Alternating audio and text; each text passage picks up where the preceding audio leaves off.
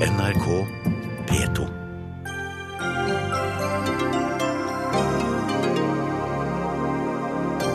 Telenor-sjefen pyntet på CV-en og skrøt på seg en bachelorgrad han ikke hadde, hevder Kapital.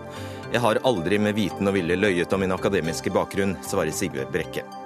Enighet om et asylforlik. Norge får Europas strengeste asylpolitikk, jubler Frp. Og vi gratulerer nesten resten av Stortinget med det. Legger hun kysten i ruiner, eller sørger hun for at norske fiskerier endelig kan bli lønnsomme, fiskeriministeren vår? Og når små muslimske barn læres at de skal kunne ofre sitt eget liv for profeten Mohammed, er det på tide å ta et oppgjør, sier Abid Raja.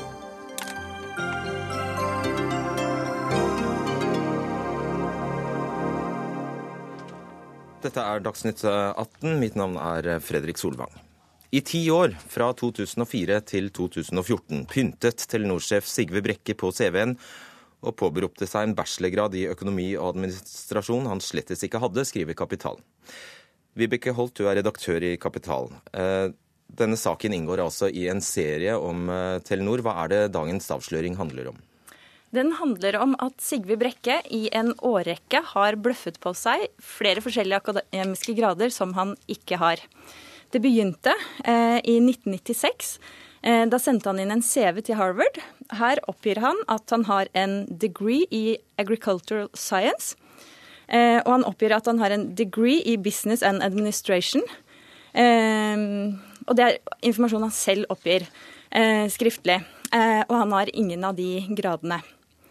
Han har også skrytt på seg da en bachelor degree, som han heller ikke har. Sigve Brekke, konsernsjef i Telenor. Stemmer dette? Nei, Jeg har aldri med viten og vilje løyet om min akademiske bakgrunn. Uh, og jeg gjorde ikke det da jeg kom inn på Harvard og, og fullførte en mastergrad. Uh, jeg gjorde ikke det når jeg ble ansatt i Telenor i 1998. Og jeg gjorde heller ikke det i prosessen da jeg ble konsernsjef. Eh, så det som vi snakker om her, det er da noe som ligger 30 år tilbake i tid. I forbindelse med en skogbruksutdannelse som jeg tok, og i forbindelse med noen kurs som jeg da tok på Telemark distriktshøgskole. Dette har jeg vært helt åpen med, og senest så har jeg gått gjennom dette med styret, og styret har gitt meg full støtte og tillit til uh, hva denne saken egentlig dreier seg om. Greit. Vi tar det kronologisk. La oss starte i 1996. Ja. Da er det altså snakk om at Sigve Brekke søker om et ettårig masterstudium på eh, Harvard. Og det er da du sier at han selv har sendt inn en CV der det står feilaktig ja, at han har en bachelor. Og det tror jeg faktisk Sigve Brekke selv vil bekrefte også, at du har sendt inn den her selv, eh, og at de, den informasjonen her er feilaktig. Ja, Nå må vi være litt klar over fakta her. Eh, det du har referert til nå, er ikke noe masterstudie. Det var en søknad om å delta på et forskningsopphold på Harvard. Det var en søknad som jeg hadde støtte fra norsk UD på å nominere, og de nominerte meg. I den søknaden så, så skrev jeg da at jeg hadde da en, en eh, degree fra skogskole som ligger da 35 tilbake, år tilbake i tid. Og så skrev jeg også at jeg hadde da en degree fra Distriktshøgskolen i Telemark som ligger 30 år Hvorfor tilbake i tid. Hvorfor gjorde du det når det ikke stemmer? Nei, Det som ikke stemmer der, er at det manglet da to vekttall. Eh, to vekttall ut av, av, eh, av 38 mm. vekttall. Men enten så har du en grad, eller så har du det ikke. Nei, og det, altså Der har jeg da skrevet det på en måte som er, eh, er feil, og det, det erkjenner jeg i, i, absolutt. Men dette dreier seg ikke om den mastergraden som jeg tok på Harvard. Dette greide seg om et forskningsprogram som jeg for øvrig ikke ble akseptert til pga. at jeg ikke hadde en bachelorgrad. Og jeg aldri, Nei, vi snakker om CV-en som ble sendt inn i forbindelse ja, med søknaden til Jeg har aldri eh, oppgitt noen gang at jeg har en bachelorgrad. Det er uriktig. Mm, holdt. Ja, eh, Når det gjelder eh, det du sier der, er jo det også tilsynelatende positivt uriktig. For her sitter jeg med årsrapportene for eh, Telenors thailandske datterselskap Dtac. Eh, jeg sitter med årsrapporten for det malaysiske datterselskapet Digi. Og her, i år etter år etter år, dvs. Si en tiårsperiode i Dtac og i flere år i Digi, så har du opplyst om å eh, markedsføre deg selv med bachelorgrad i Business and Administration fra Høgskolen i Telemark, det som da tidligere var Distriktshøgskolen i Bø. Og det har du ikke. Eh, jeg kan ikke komme på noe mer større bløffmakeri enn å markedsføre seg feilaktig på den måten der år etter år. Hvordan forklarer du dette, dette Nei, Nå må vi skille faktaene litt her. Eh, først så snakket vi da om eh, hva slags søknad jeg hadde levert inn da jeg fikk min mastergrad på Harvard. Og så, det har vi forklart. Vi så hopper vi fram til 2004. Og det vi snakker om nå, har ingenting med verken søknader å gjøre Nei, eller med vitnemål å gjøre. Det har med hva som da står i en årsrapport. Det stemmer. Så, eh, ja, ikke sant? Vi har nå lagt, fra, lagt, lagt mastergradsstudiet til side, og så hopper vi fram til år 2004. og Det er da disse det, årsrapportene begynner å inneholde feilaktige CV-er på deg. Og Det er helt korrekt. Det er feilaktige opplysninger om min, om min akademiske bakgrunn. Det skjedde da i, at, i og med at det ble oversatt fra norsk til engelsk, engelsk til thai, thai til engelsk. Jeg forsøker ikke å bruke det som en unnskyldning. Jeg hadde selv ansvaret for å sjekke det som sto i de årsrapportene. Det gjorde jeg ikke, og det ble da feilaktig eh, beskrevet, sånn som, som eh, det det da ble. Igjen så var det absolutt ingen intensjon for meg å på en måte si noe uriktig om en skogbruksutdannelse eller en økonomiutdannelse 35 år tilbake i tid. Det var rett og slett en feil som ble gjort, og jeg tar fullt ansvar for at den feilen ikke skulle vært begått. For det første er ikke 35 år tilbake. De fleste feilaktige mm, informasjonen om din utdannelse den er eh, nyere tilbake enn 35 år. For det, når er den, da? Hmm? Jeg, jeg, gikk ut av Telemark i 1984, og jeg gikk ut av, av skogskolen på på Sagrena i 1980, eh, så det er jo en del år tilbake. Nei, fordi feilinformasjon den har fortsatt helt frem til 2014, den. Eh... Dere snakker om to forskjellige ting. Du snakker om når du tok utdannelsen. Du snakker om når, hvor lenge feilinformasjon lå ute ja. i offentligheten. Ja. Bare, bare, ta det, bare svar på det, Brekke. Altså, skal du altså ha oss til å tro, at informasjonsavdelingene i to helt forskjellige selskap i to forskjellige land, datterselskap av Telenor, Digi og Dtac, samtidig omtrent feilaktig oversetter din CV? Og på mystisk vis kommer til at du har en bachelor du ikke har? Altså jeg ønsker ikke å sette skylden på noen informasjonsavdelinger. Det vil være uriktig. Det er mitt ansvar å sjekke de informasjonene som står i en eh, årsrapport. Det gjorde jeg ikke, og det tar jeg fullt og helt ansvaret for. Men Hvordan kunne det skje? Men, men jeg har absolutt ingen Jeg hadde ingen grunn til å pynte på en CV, som da er en utdanning som legger mange mange år tilbake i tid. Det som var viktig for meg, var jo da også å fokusere på den mastergraden jeg har fra Harvard University, og som også da er helt korrekt gjengitt både i Telenors personalopplysninger, da jeg søkte på jobben i Telenor, og i alle Telenors eh, årsrapporter. Det her er bare tull. Du har bevisst forsøkt å få det til å fremstå som du har en grad du ikke har. Men nå må tror... du være litt forsiktig nei, når du bruker nei. sterke ord som bevisst. Det stemmer ikke. Jeg tar fullt ansvar for at det var feil informasjon i årsrapportene, og det har forsøkt forklart hva som var bakgrunnen Men det går utover det her, og mitt ordvalg er ganske bevisst, det også. For her, vår journalist Roar Valdraug, som har gjort en strålende jobb med å avsløre de tingene her, han var i forrige uke, i, tidlig i uken, i kontakt med deg. Og da spør Roar, Valdraug men etter hva vi forstår, så har ikke høyskolen registrert noen grad på deg. For vi var da i kontakt med Høgskolen i Telemark, de fant ingen grad på han. De dro til og med Statsarkivet på Kongsberg bare for å dobbeltsjekke de tingene. Og selv da, når eh, vår journalist tar opp det her med direkte med deg, så svarer du det er ikke korrekt, det har jeg. Da svarer du altså at du har en grad fra Høgskolen i Telemark. Eh, og så spør Roar Valdrag da igjen for å dobbeltsjekke. Du har det? Ja ja, jeg har det. Nå husker jeg ikke det, det er så lenge siden. Jeg tror det var høyskolekandidat. Hva slags omgang med fakta er det her av en konsernsjef i Norges nest største selskap? Ja, dette ligger som sagt 30 år tilbake i tid. Det jeg da gjorde, var å gå tilbake i mine arkiver. Jeg kan her, her, og nå si at ut av 40 vekttall, så gjennomførte jeg 38 vekttall, så jeg har ikke den graden fra høyskolen i, i Bø. Eh, så, men igjen så ønsker jeg bare å fokusere på at jeg har absolutt aldri eh, hatt noe uriktige opplysninger rundt den mastergraden jeg har fra Harvard, og heller ikke de ansettelsesforholdene som jeg har med Telenor. Og, og det er greit, vi snakker om mastergraden, nei, vi snakker om bachelorgraden, ikke mastergraden. Svar på det Holt eh, spør deg om her. Hvordan kan du til deres eh, journalister si at bekrefte at du faktisk har en høyskolekandidatgrad? Nei, Da jeg ble oppringt av eh, journalisten som refererer til her, så sa jeg at dette husker jeg rett og slett ikke. Du må la meg få tid til å gå igjennom papirene. Så du har feilsitert? Noe, noe, jeg da gjorde. Og jeg ba da eh, kapital komme på lørdags formiddag til, til Telenor etter at jeg hadde funnet alle de her vitnemåla og alle de her karakterutskriftene 30 år tilbake i tid. Og vi satte oss ned og vi gikk gjennom det på en ordentlig måte.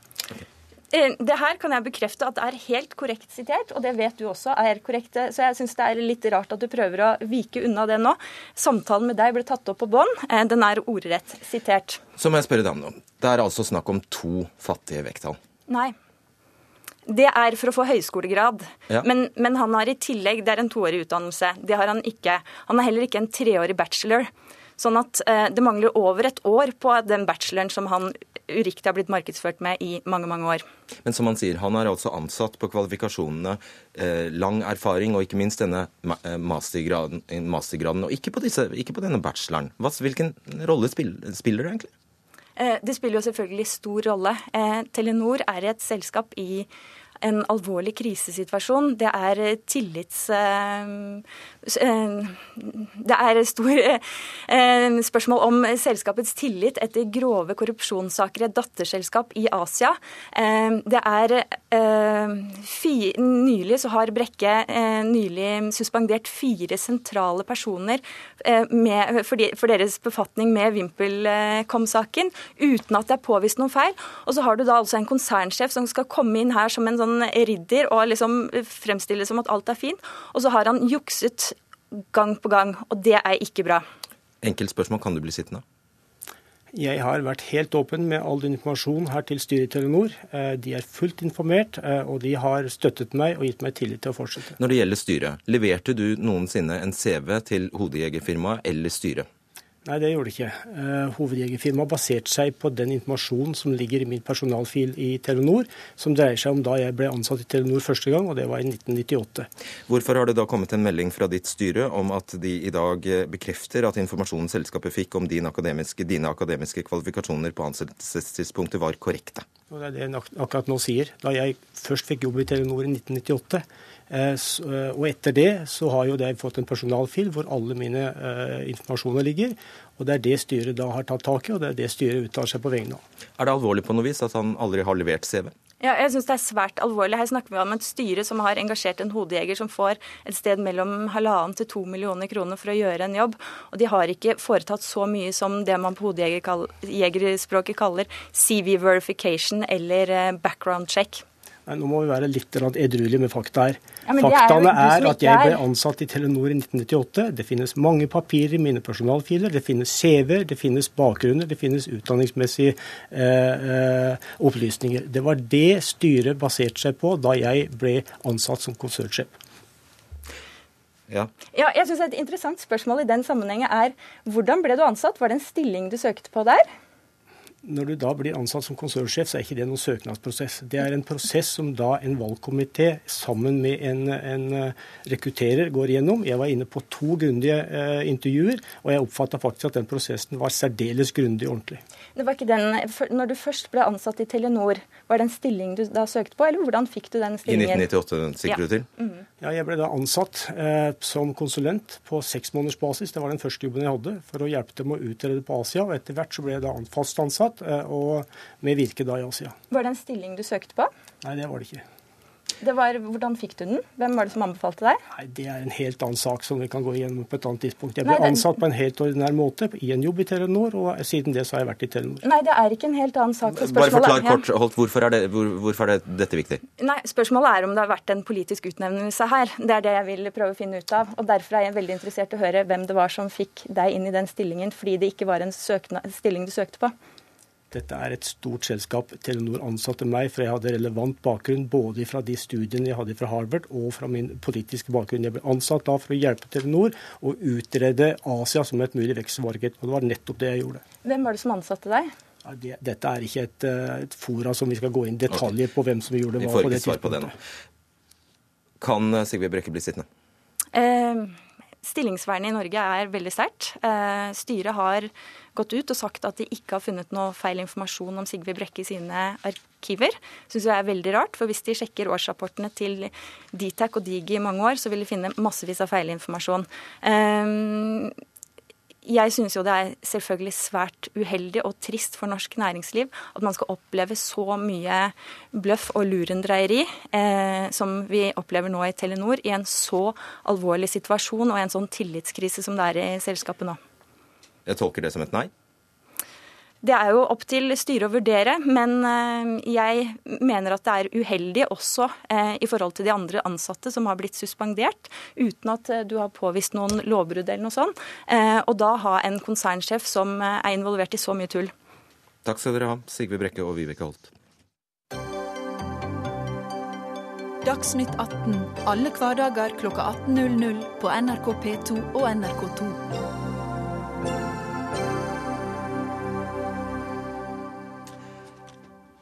Alle partiene på Stortinget, bortsett fra SV og Miljøpartiet De Grønne, er blitt enige om en asylavtale. Det vil si 161 av 169 representanter stemte altså for dette asylforliket. Partiene er enige om 18 tiltak som skal begrense ankomsten av mennesker uten rett til beskyttelse. Og De politiske samtalene skal fortsette om bl.a. tiltak for å møte kommunenes situasjon. Jeg skal bare bemerke først som sist at ingen fra de to regjeringspartiene har anledning til å delta i denne sendingen pga. veldig viktige møter på Stortinget. Så vi starter med deg, Jonas Gahr Støre, leder i Arbeiderpartiet.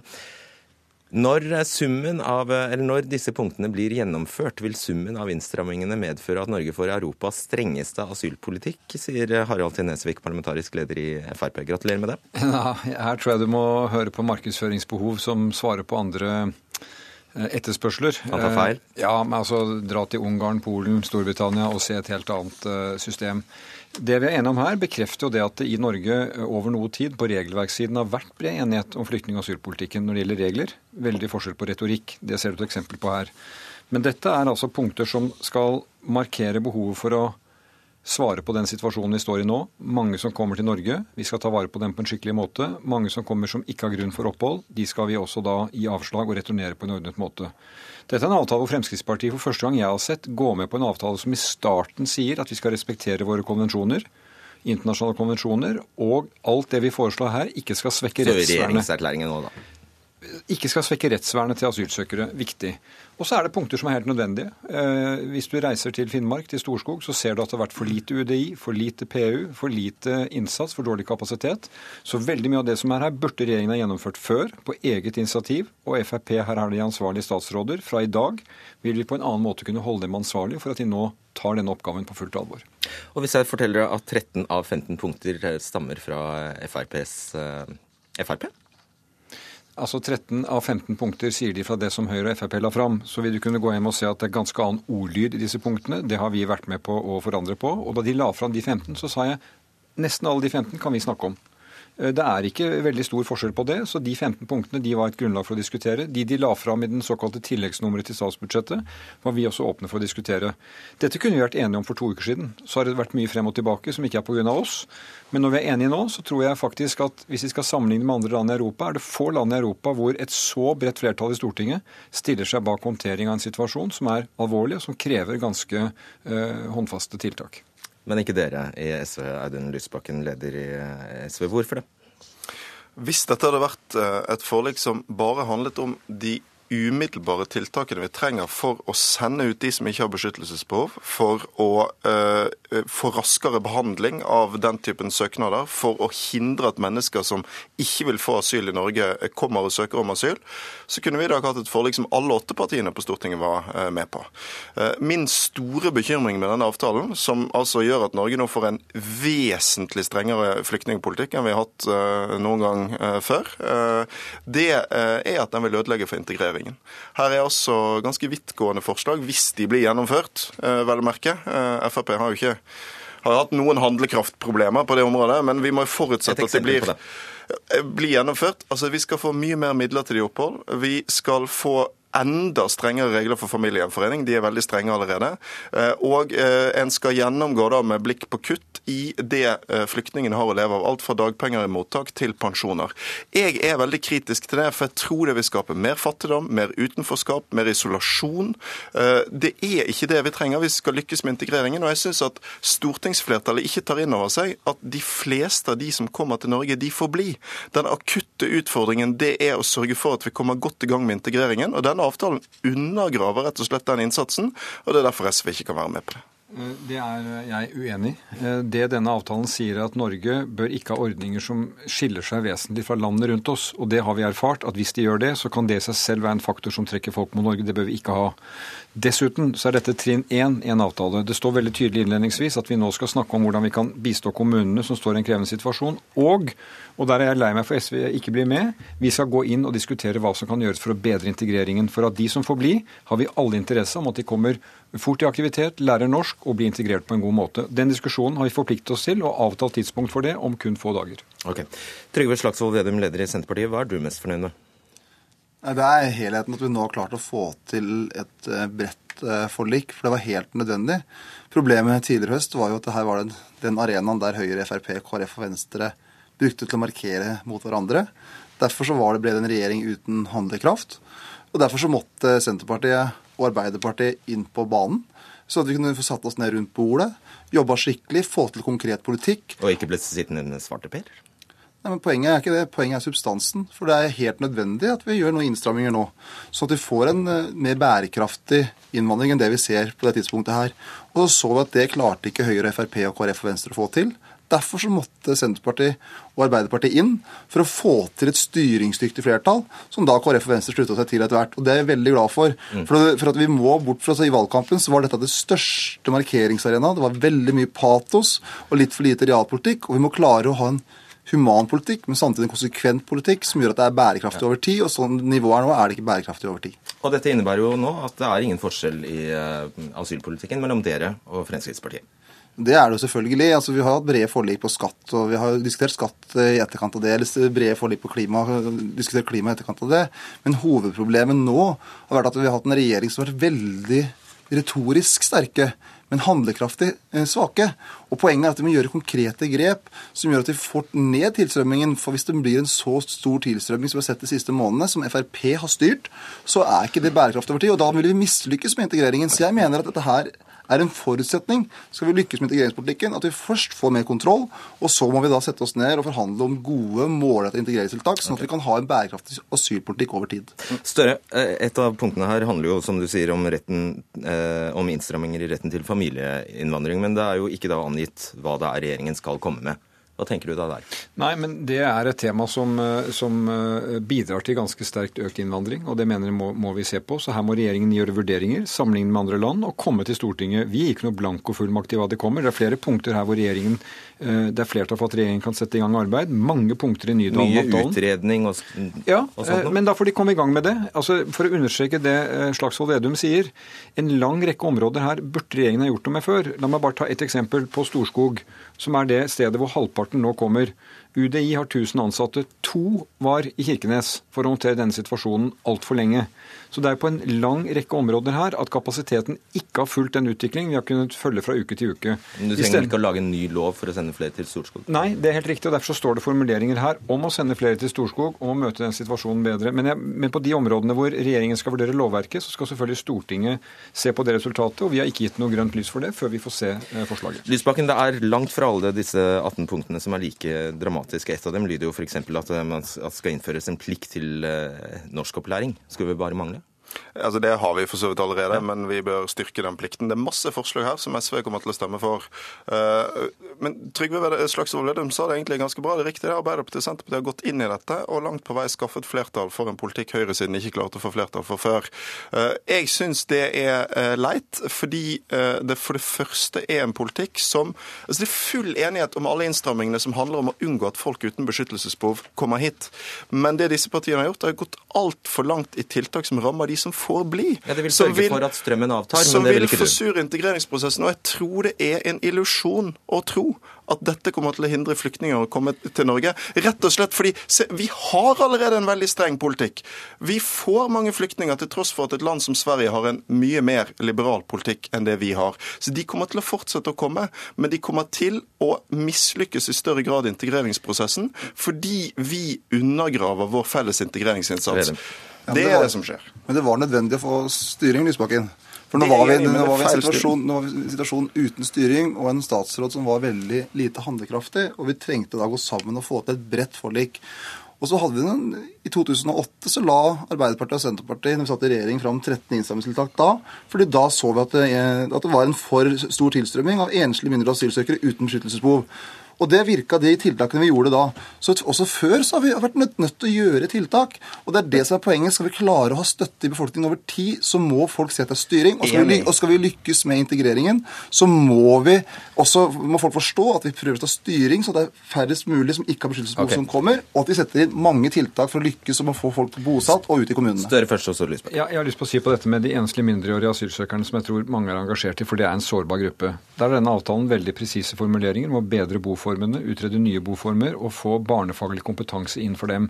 Jeg har respekt for uh, Audun Lysbakken og SVs eh, posisjon, men det jeg er lei meg for, er at de nå ikke blir med videre. Og i slike avtaler så vil det være noen punkter man er mindre begeistret for, men det er også prisen for å betale for at veldig mye av dette som du er enig i, Audun, eh, får din støtte, og at du er en klar stemme når vi skal diskutere integrering og kommuneøkonomi. Det hadde vært bedre med SV med, men vi får respektere at de eh, og MDG ikke er med. Allikevel er dette et veldig bredt flertall. Så du mener SV bak. skulle gått inn i et forlik eh, Frp har initiert? Nei, men altså, Det kan jo ikke være fordi SV, Frp gjør det. Vi må gå på substansen og se på forslagene. Og, da- men eh, jeg avgjør ikke for dem, og jeg har respekt for avgjørelsen. SV hadde vært med på dette hvis ikke Arbeiderpartiet og Senterpartiet hadde gått så langt i å gi Frp og Høyre gjennomslag på ting vi er mot. Eh, Og det er jo helt riktig som Trygve sier, at eh, Frp-statsrådene har manglet handlekraft, men på en del områder er jo det bra.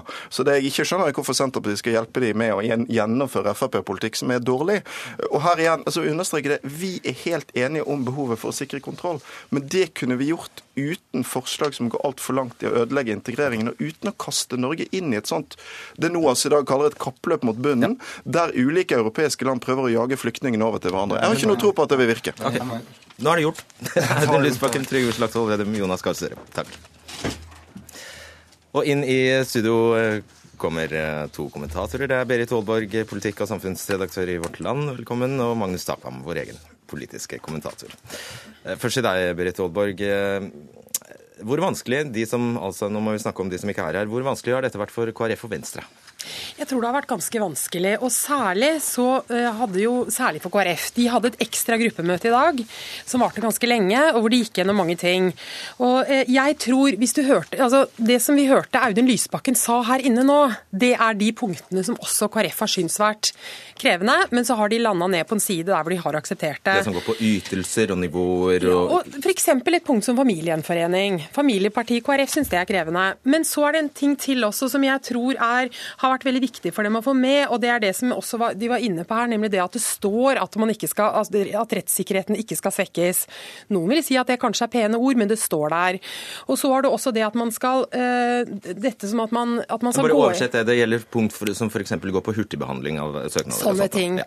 Ikke sant, Hurtigbehandling. Og, og så sier man at rettssikkerheten skal ivaretas. Så vil jo det da vise seg uh, når, de, når Frp begynner å sende ut folk, om den er ivaretatt. Men de har liksom blitt enige om det, og er veldig fornøyd med at det er med inn i avtalen. Så, så det er noen av de viktige punktene. Men det har vært krevende, og særlig for KrF å være med. Magnus Takvam, politisk kommentator her i NRK. Hva i alle dager er det som har skjedd her? Nei, altså hele det politiske klimaet har jo flyttet seg fra i vår, da vi hadde diskusjonen om kvoteflyktninger til Syria, og vi endte opp med et vedtak med 8000 over tre år, til nå, ettersom flyktningstrømmen og asylstrømmen, har økt så til de grader at alle partier, eh, vi hører jo også SV si i debatten her, at de for sin del kunne vært med på eh, ganske mange av de forslagene som mer entydig går på det å skille ut de som ikke har krav på, på asyl. Eh, Men så er eh, det krevende punktet her er å finne den balansegangen som går mellom nettopp den typen tiltak og det som hemmer integreringen. Og det er disse forslagene som bl.a. går ut på å finne nye midlertidige beskyttelsesformer, der noen er redd for at den typen vedtak kan føre til at eh, asylsøkere som har rett på opphold, blir boende og levende i usikkerhet i altfor lang tid. Familiegjenforening er også et integreringstiltak. slik at her er man rett og slett uenig om balansegangen i forhold til integrering og det å skremme for så vidt eh, uberettigede asylsøkere vekk. Så hører vi Vedum gjentar at eh, det var helt maktpåliggende at han tok ansvar eh, for noen uker siden og, og inviterte til dette forliket. Hva har, hva har Senterpartiet og Arbeiderpartiet hatt å tjene på dette her? Jeg tror de har hatt å tjene på, på, det at de har, måte, de har, vært med på et opplegg der hvor de har fått sine ting igjennom. Men så er det en ting som er veldig viktig, og det gjelder øh, kanskje begge partiene, men særlig Arbeiderpartiet. For de er nå veldig opptatt av at de har en stram asylpolitikk, og det har de også hatt i mange år. Vi husker alle sammen Lønseth som satt og måtte forsvare når folk ble kasta ut, og det var mange som reagerte på det. Sånn at Arbeiderpartiet har nok en egeninteresse, og de har også mange velgere som ligger inn mot et landskap som kanskje kan komme til å stemme Fremskrittspartiet. De har en egeninteresse å vise at de er harde i klypa, at de kan ha en streng politikk, og at de kan være med på et forlik også med Høyre og Fremskrittspartiet. Og Da kunne de ikke stå og se på at samarbeidspartiene ordnet opp seg imellom? Eh, jeg tror, de, jeg tror det var viktig for dem å være med, rett og slett. Jeg tror nok, Hvis man ser på det mer partipolitiske, taktiske her, så uh, la alle merke til at da Høyre Frp hadde presentert denne første listen på 15 punkter, og gikk da først til samarbeidspartiene, som avtalen uh, forutsetter, så, sendt, så, sa KrF og Venstre med en gang at de ville ha med de, også de andre partiene eh, i forhandlinger, og ikke på, e, gjøre dette bare blant kretsen på fire. Og jeg tror nok de politiske tyngdelovene har virket her. Det er et eh, asyl- og flyktningpolitisk flertall som ligger eh, mellom Høyre, Senterpartiet, Arbeiderpartiet og Frp enda mer ut på den restriktive siden, og så en liberal fløy. sånn at KrF og Venstre eh, hadde for så vidt hjelp av Arbeiderpartiet og Senterpartiet til å, til å Eh, skal vi si, kunne bli med på dette. Og så kan eh, Frp, som vi hører i dag, innkassere en eh, foreløpig slags seier. De sier altså at de har fått stort gjennomslag. Men hva skal de gjøre nå? De har jo brent opp alt kruttet. Ja, Det er et godt spørsmål, men det er ganske mye som skal gjennomføres her. sånn at Det er mange tolkningsmuligheter innenfor det som ligger her i dag. Men jeg har bare lyst til å si en ting til når det gjelder, ehm, når det gjelder dette med hvorfor det var viktig for, eh, for, Venstre og KrF å ha med Arbeiderpartiet og Senterpartiet, og særlig Arbeiderpartiet. Disse tingene som går på rettssikkerhet og konvensjoner, har tradisjonelt Arbeiderpartiet hatt det god kål på, og mye mer kål på enn det Frp har hatt. Derfor var nok den typen ting også viktig.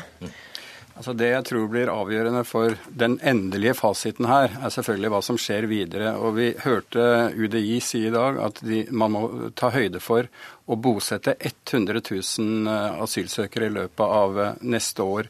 Og man sa også at eh, det kunne gå fra ett til to år før man fikk behandlet sin asylsøknad, fordi man prioriterer de som ikke har krav først. Og Det er klart at det er både dyrt og det hem, hemmer integreringen. Så jeg tror forutsetningen her er at man på en eller annen måte greier å, å løse det bedre enn tilfellet er i dag. Og så kunne du ikke gitt meg en bedre overgang til neste person, faktisk. Tusen takk, Berit Aalborg og Magnus Takvam.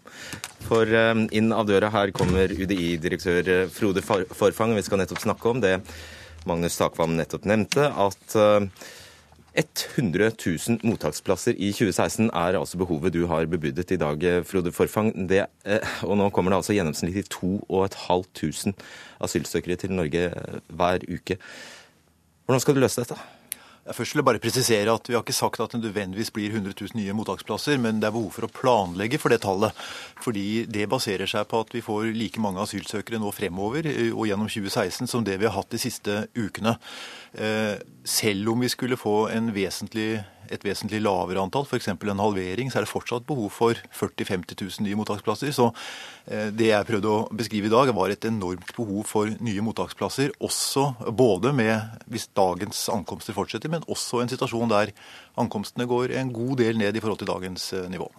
Sett det i sammenheng for oss. Hvor mange har vi i dag? For hvor mange plasser er det i dag? I dag så har vi rundt 35 000 plasser. Men vi skal da også huske på at 12 000-13 000 av de 35 000, altså over en tredjedel, er det vi kaller ganske dyre akuttplasser. Som du har fått mye kjeft for? Ja, og som er kortsiktige kontrakter som eh, vi ikke er bærekraftige over tid, og som vi må etter hvert ut av flere av dem. Eh, og det er klart at det er også en del av utfordringen fremover, at disse skal erstattes med, med vanlige mottaksplasser. Så vi har en ganske stor jobb foran oss med å etablere flere mottaksplasser over hele landet.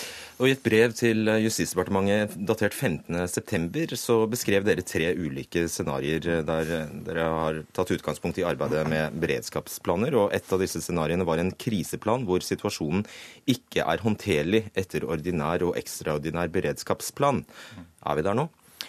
Vi er i hvert fall i en situasjon som jeg vil beskrive som kritisk. Eh, krise er det vel den, den dagen vi ikke klarer å gi eh, innkvartering til alle som kommer. Vi er ikke helt der. Men Jeg vil si at det er kritisk å få på plass et veldig mye større antall mottaksplasser enn det vi har nå. Fordi vi er i en situasjon hvor antallet asylsøkere er veldig høyt, vedvarende høyt. Det kommer mange inn i systemet, men det kommer atskillig færre ut av det systemet igjen. Slik at behovet for et betydelig antall mottaksplasser er veldig stort. Har du kontroll? Ja, har, altså vi, Det er jo det vi nå forsøker, å skaffe oss kontroll. og En del av det bildet er at vi ser nå at for å få opp det antallet mottaksplasser som det er behov for, Eh, f.eks. brakkeleire, som vi har ønsket å etablere flere steder, så trenger vi bistand fra andre kompetansemiljøer og ressurser i staten. Og Vi har jo da pekt på, og har allerede innledet dialog via også departementet med Forsvarsbygg og Statsbygg, eh, fordi vi ser at dette er kompetansemiljøer i staten som kan bistå eh, med å både prosjektere og få opp et betydelig Eh, bygningsmasse som kan brukes til mottak. Ja, Men du er jo likevel helt avhengig av kommunene her. Eh, hvordan har responsen fra dem eh, vært i det siste? Altså, nå er det jo slik at nå er det ikke kommunene som i og for seg bestemmer hvor det skal bygges mottak, men vi er jo veldig opptatt av likevel å få til en god dialog med kommunene. og I noen tilfeller så har kommunene også et ord med i laget, og det er der hvor det skal bruksendringer til for at vi kan bruke et, et bygg. Eh, og generelt, sånn i høst, så har jo eh, vil jeg si at dialogen med kommuner har vært eh, god. Altså vi har hatt, og Det har vært mye velvilje, men jeg merker også at det er en slitasje der ute. Og en slags tretthet og en gryende skepsis som er i ferd med å øke. og Derfor har det vært viktig for meg å få fram et virkelighetsbilde som vi sitter på, og som det er viktig å få ut til Kommune-Norge, slik at også man ut i landet skjønner hva som faktisk er det behovet som vi beskriver, og som danne grunnlag for det antallet plasser vi må planlegge for. Mm.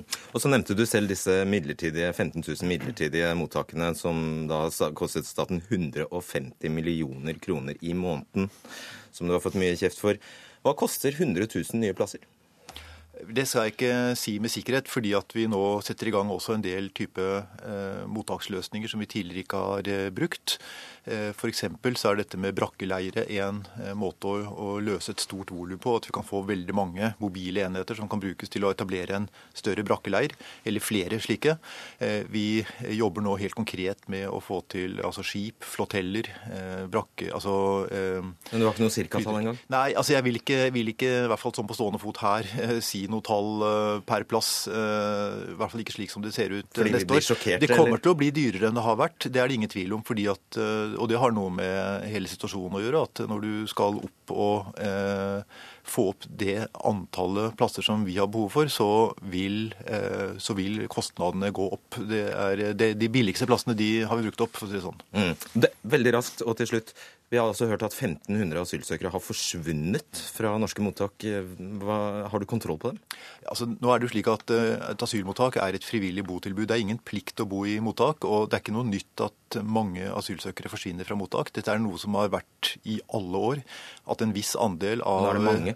Ja, men det har også vært mange tidligere. Men det er klart at uh, nå bor det flere i mottak, og det er flere asylsøkere. og Da vil også tallet øke. Men sånn andelsmessig så har det alltid vært en en viss andel av asylsøkerne som, eh, som, blir borte. Eh, den andelen øker ikke, men, men, tallet øker fordi at hele systemet, eller hele asyltilstrømningen har jo økt eh, kraftig de siste månedene. Takk skal du ha, Frode Forfang.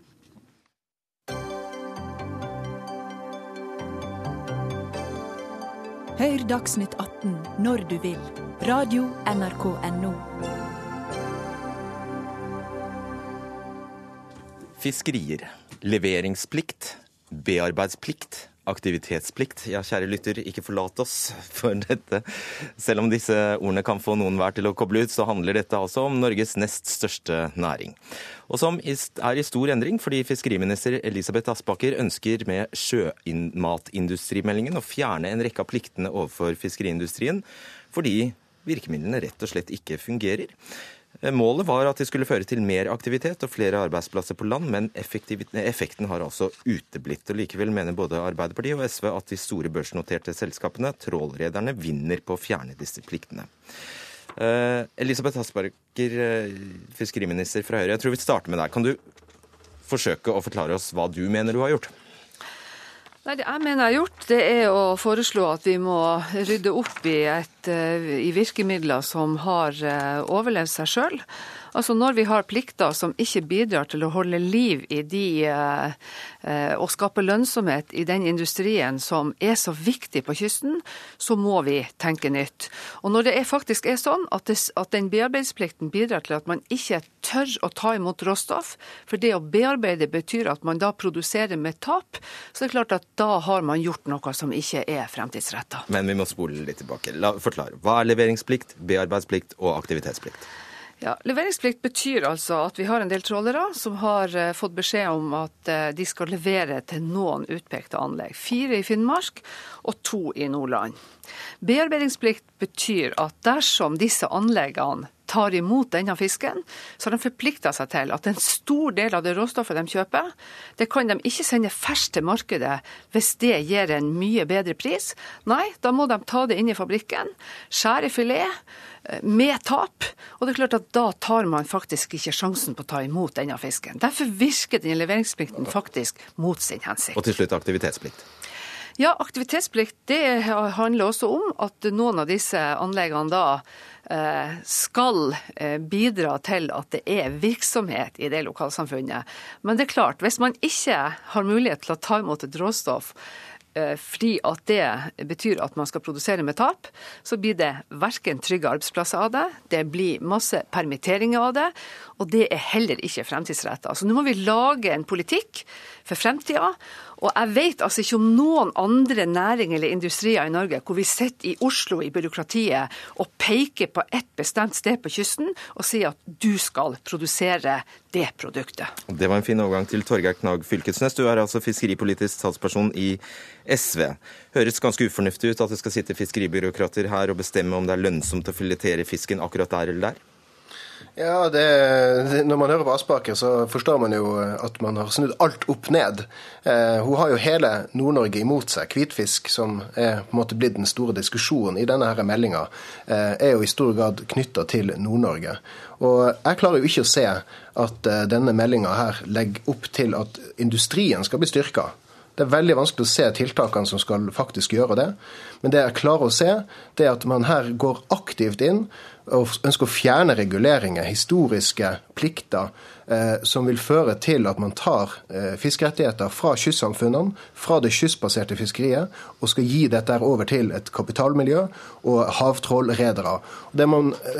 En, en som sa dette på en humoristisk måte det som skjer da, er at man utarmer eh, den tradisjonen som har vært i tusener av år langs kysten, helt uten at det er noe ordentlig belegg for at det er smart. Og det er nettopp å spørre, altså hvilke tiltak, altså Man snakker om at man skal fjerne plikter, men hvilke tiltak, konkrete tiltak i denne meldinga Jeg klarer ikke å finne noen.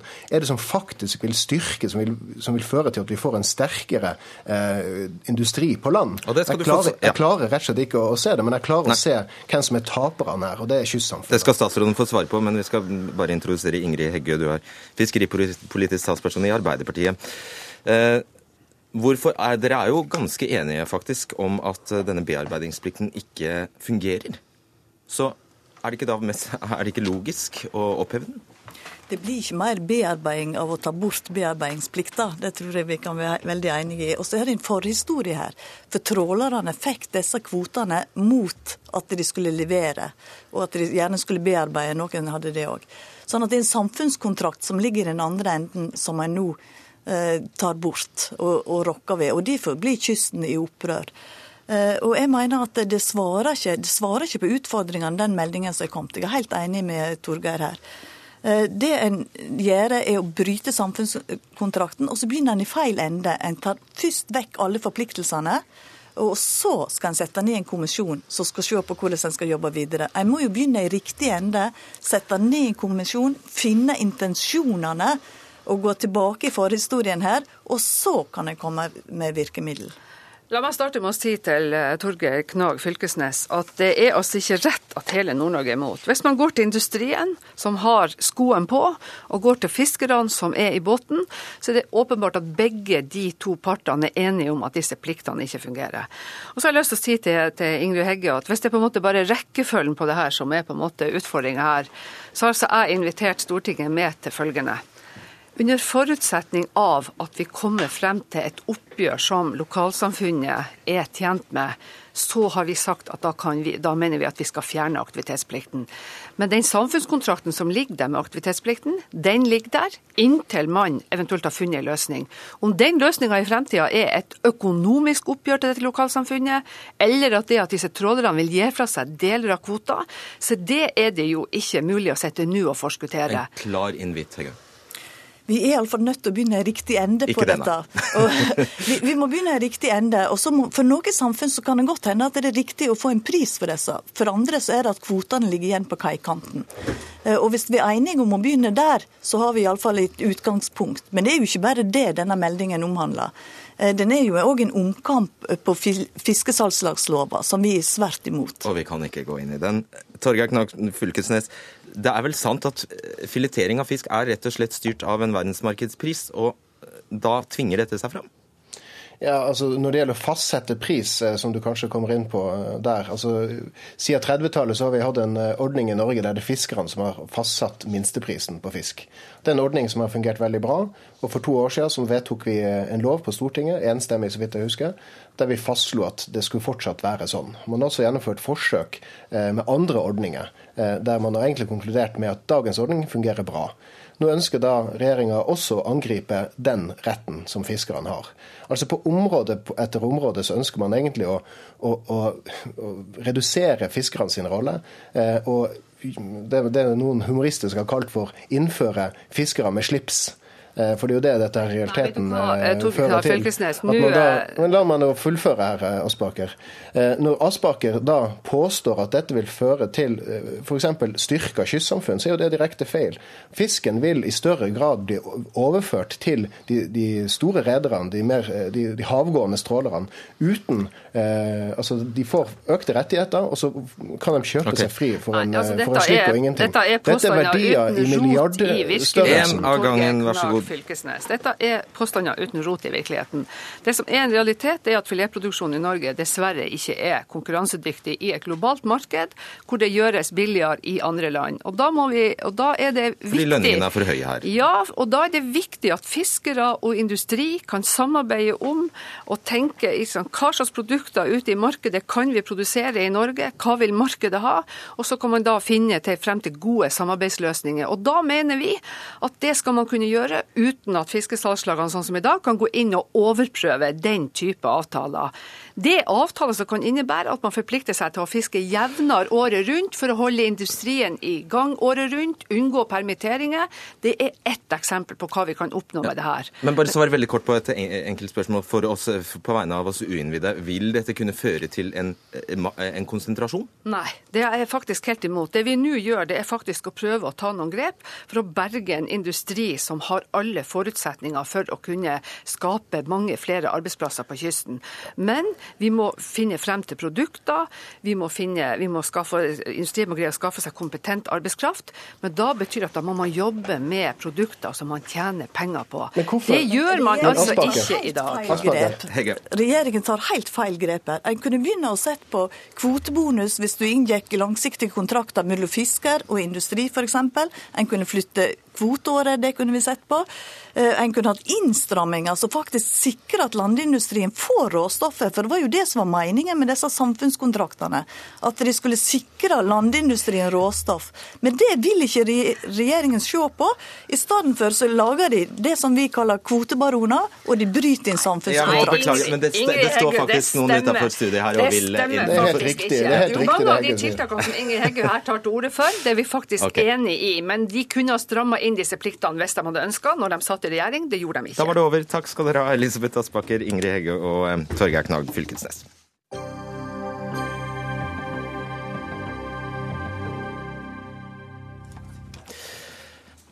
Ja, Nå om konsekvenser av eh, terrorangrepet i Paris sist eh, fredag. For debatten går nå høyt om hva ledere og imamer i moskeene kan bidra med for å hindre radikalisering av unge muslimer.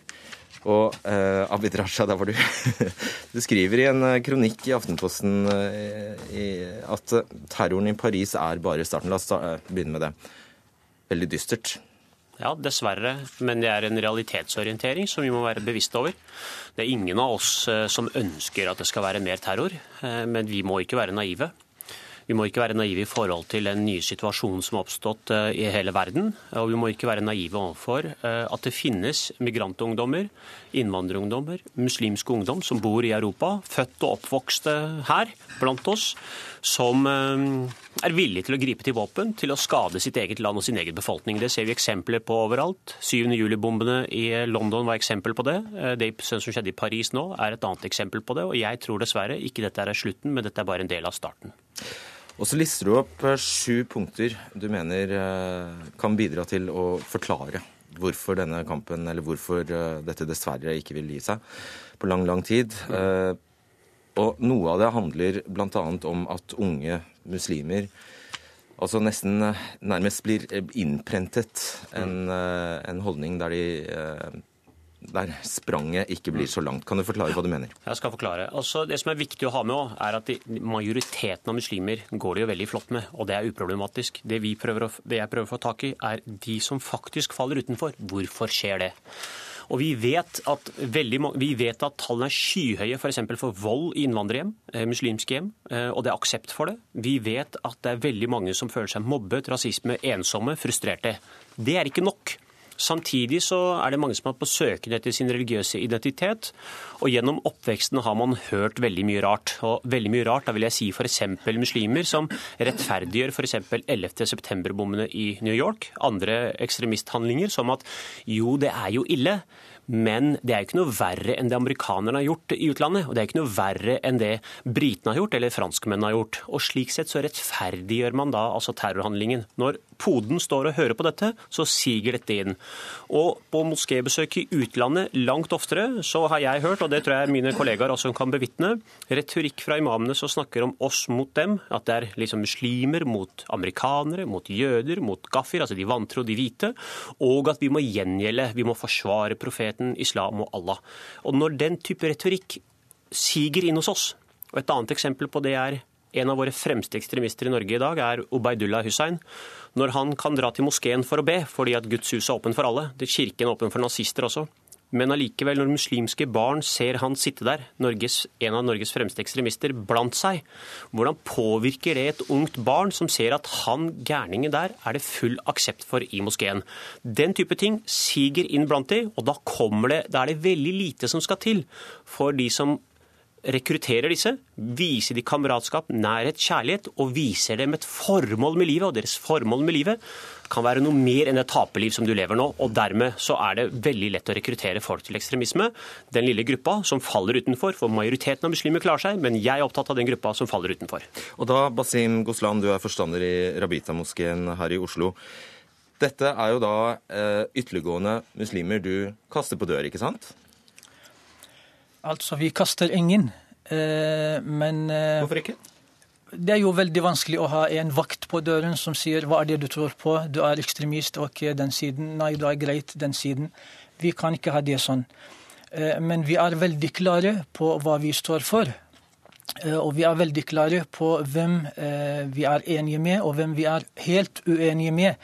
Så de som kommer til moskeen og er, har ekstremistiske, ekstremistiske holdninger, vet veldig godt at de ikke er eh, veldig velkomne i moskeen. Og de vet at de ikke kan gjøre noe som helst annet enn å be og gå sin vei. Ser du ikke at han har et poeng i det hele tatt?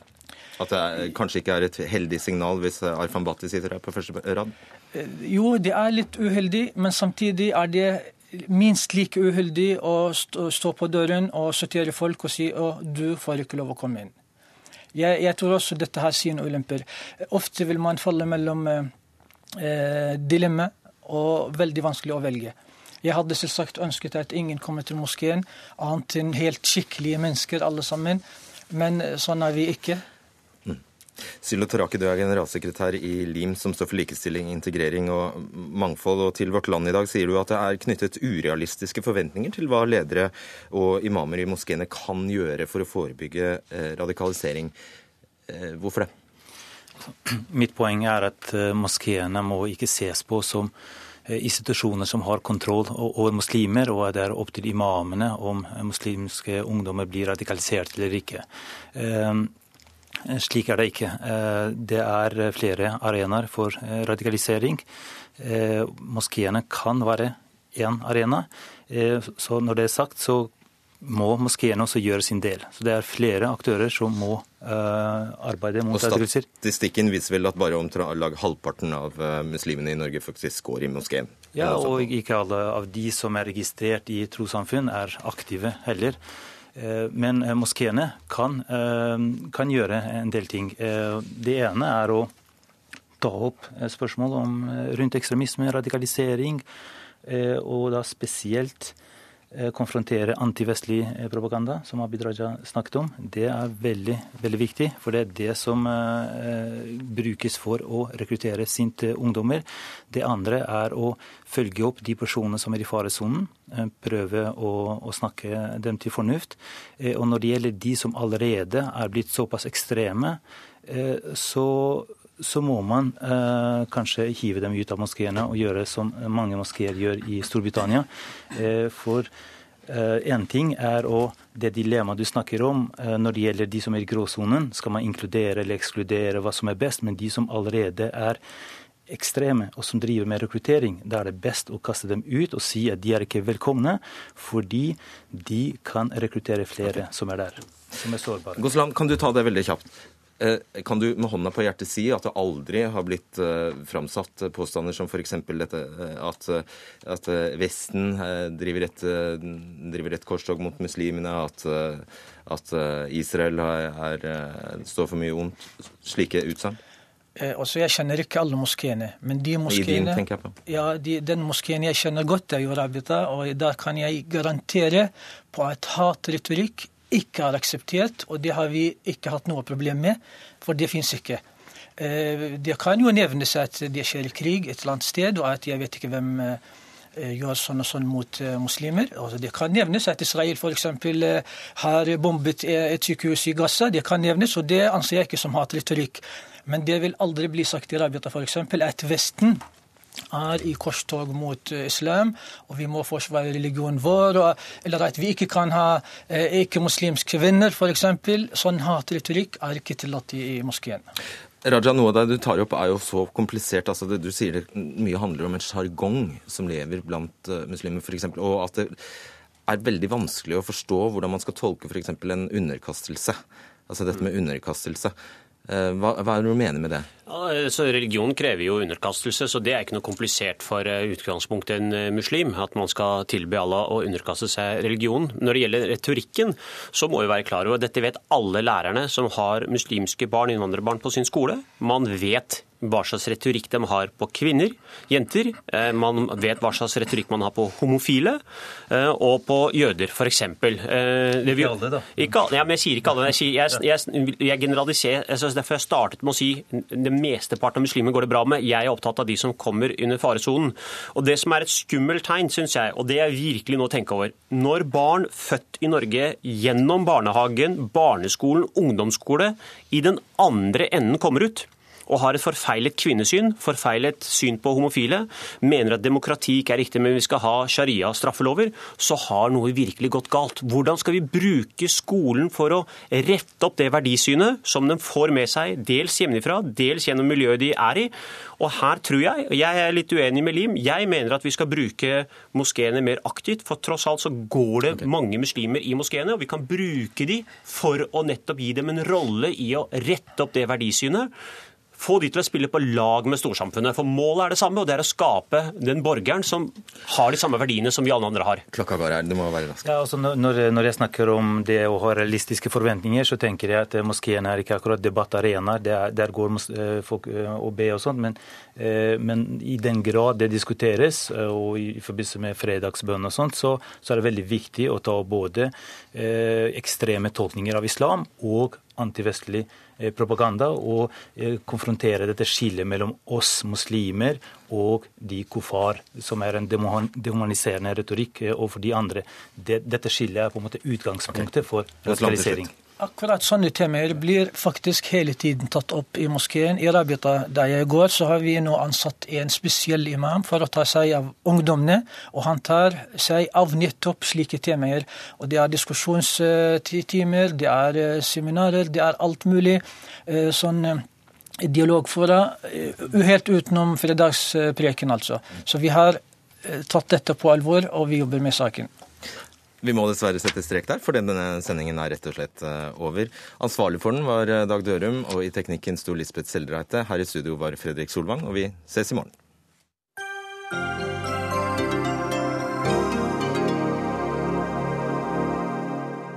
Hør flere podkaster på nrk.no podkast.